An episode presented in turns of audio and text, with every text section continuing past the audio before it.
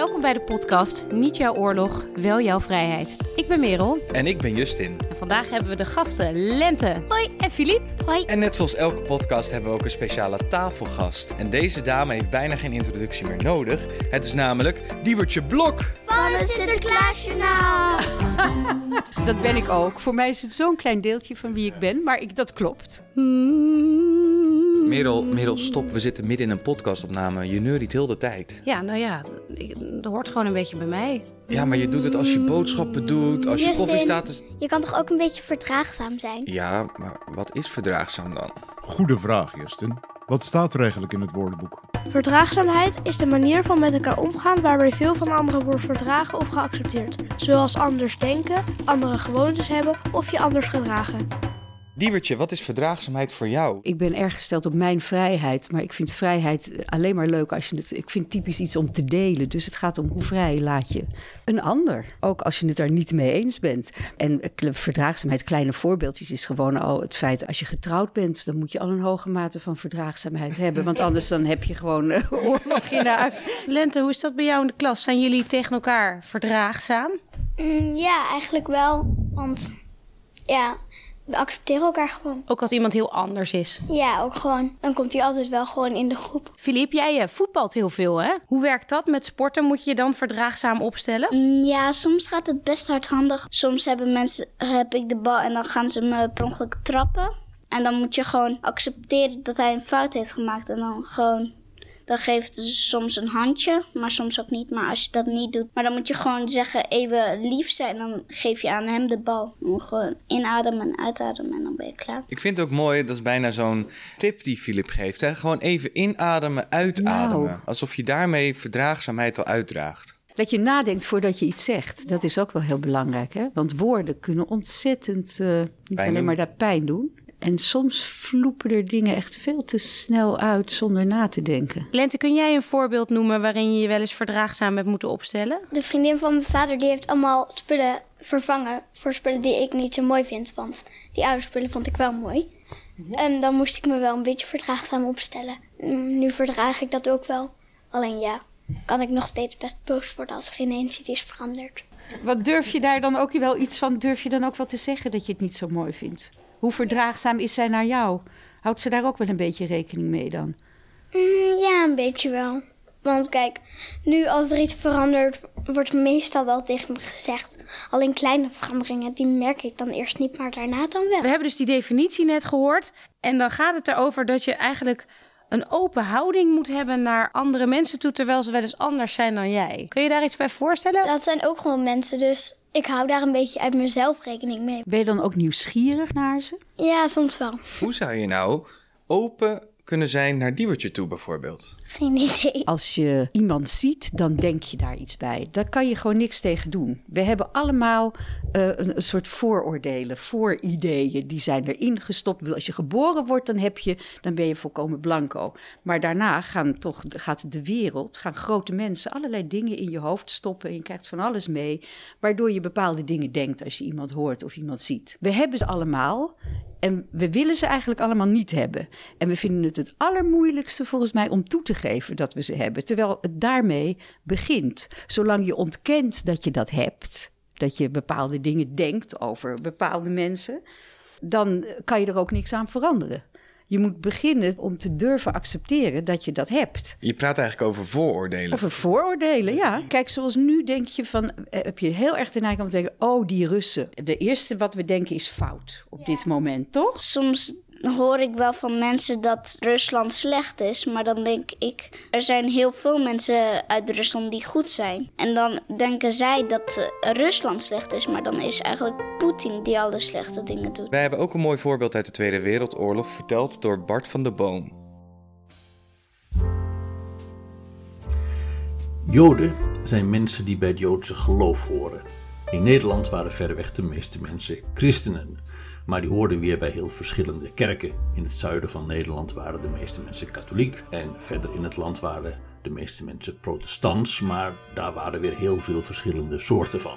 Mensen waren Nederlands hervormd of doopsgezind of gereformeerd of Luthers en zo waren er tientallen verschillende kerken. Daarnaast waren er ook nog mensen die gingen eigenlijk niet naar een kerk.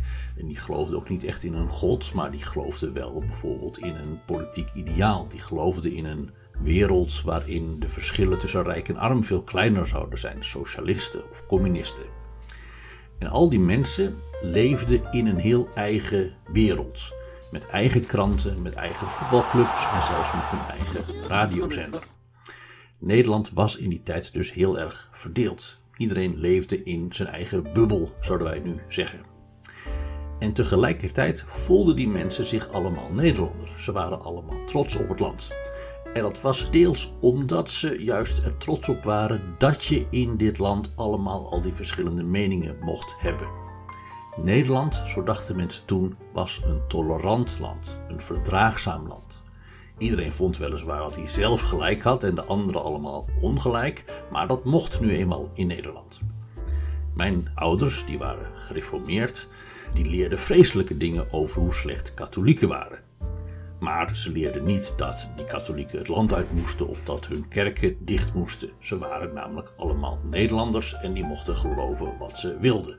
Ook al geloofden ze, vonden mijn ouders dan onzin. In 1940 werden de Duitsers de baas in Nederland. Ze bezetten Nederland. Uh, dat vonden Nederlanders natuurlijk niet leuk en zij noemden die Duitsers ook wel moffen. Dat was een scheldwoord.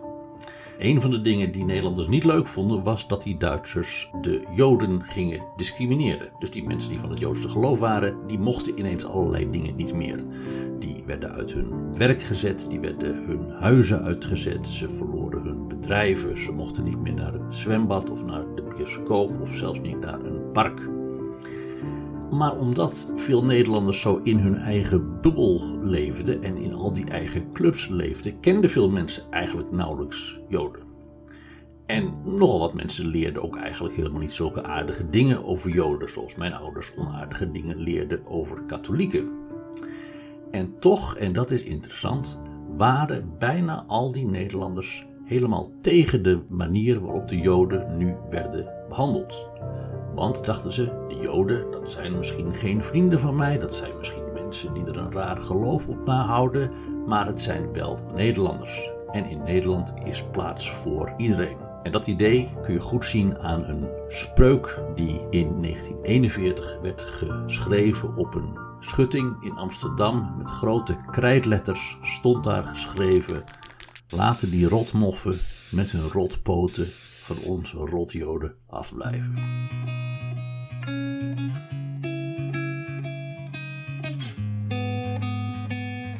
Lente, in het verhaal werd er verteld dat er mensen bij een bepaald geloof hoorden of bij een bepaalde groep hoorden. Is dat nu ook nog zo? Er zijn nog wel mensen die in zo'n groep zitten. Alleen via social media kan je dan ook weer allemaal nieuwe dingen ontdekken. En dan kan je eigenlijk ook wel alweer kleine stukjes uit die bubbel gaan.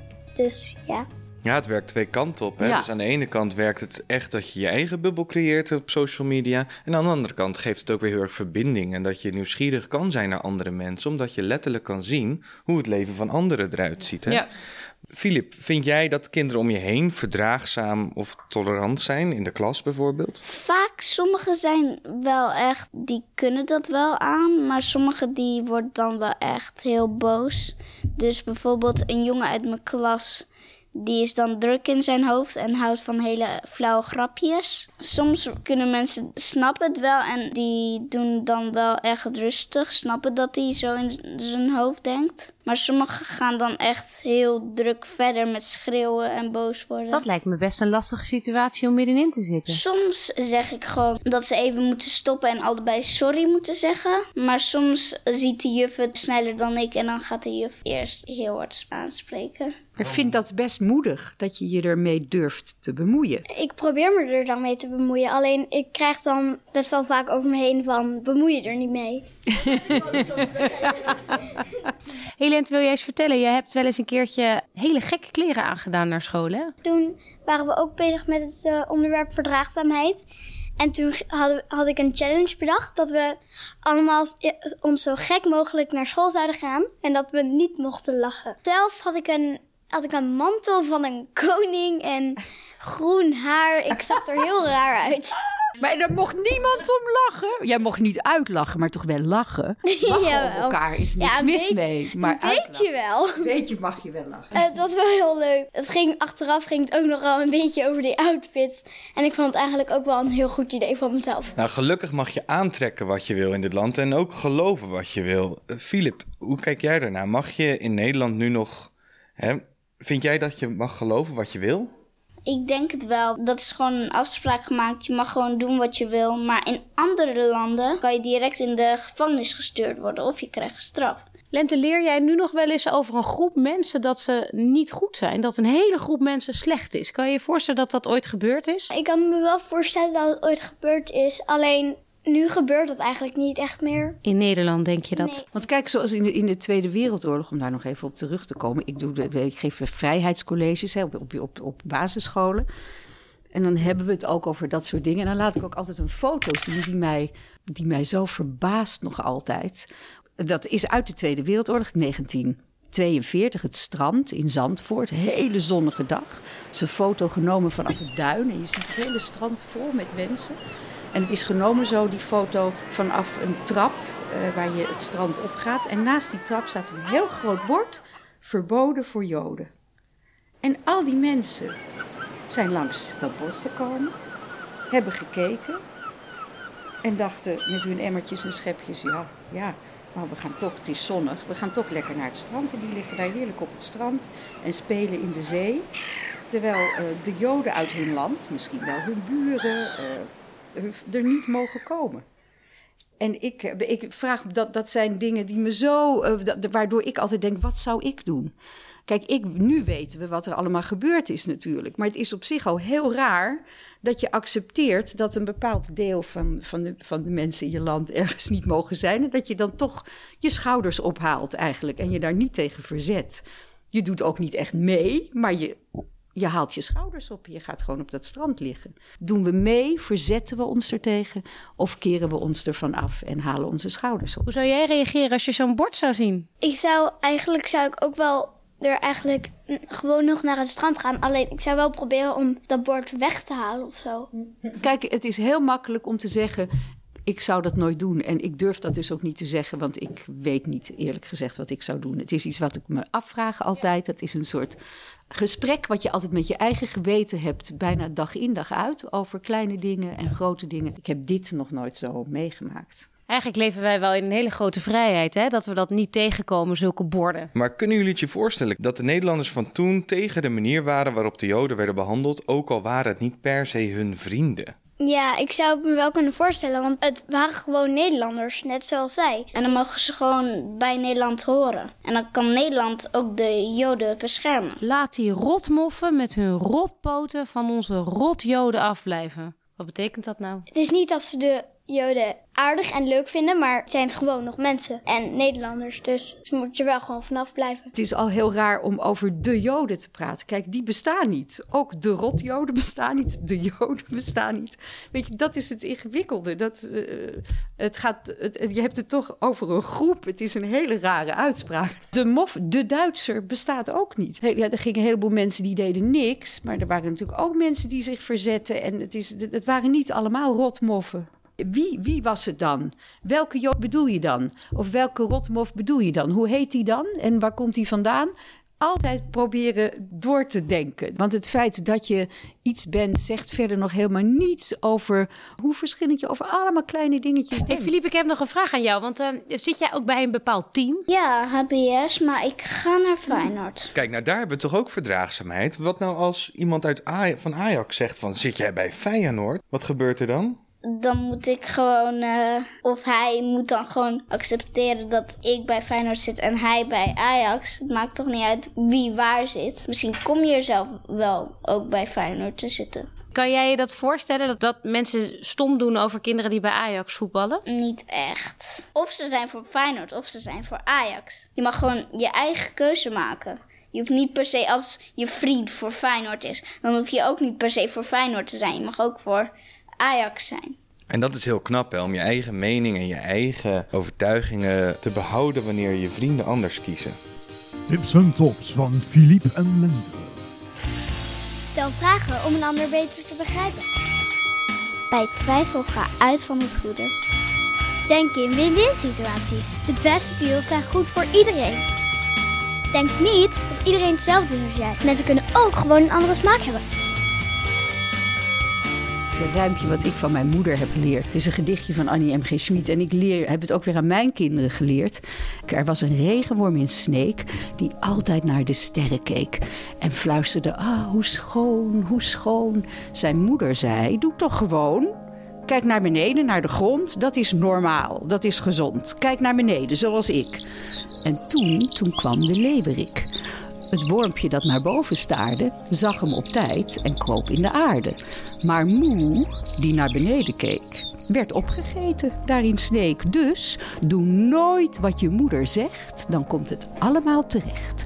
En dan moeten de kinderen vaak heel erg lachen. En natuurlijk is het niet zo dat je nooit, ik wil geen ongehoorzaamheid kweken bij kinderen, maar eigenlijk vertelt dit gedicht dat je dus soms eigenwijs moet durven zijn. Dat niet omdat je ouders iets vinden het ook voor jou het beste is. Of dat als de hele klas iets vindt, of je vriendengroep, dat jij dat ook moet vinden. Het gaat erom om eigenwijs te durven zijn en dus naar de sterren durven kijken af en toe. Prachtige afsluiting van deze podcast. Ga naar de sterren kijken. Merel, zullen we onze gasten bedanken? Dankjewel, Duwertje, voor je mooie wijsheden. Graag gedaan. Dankjewel, Lente en Philippe.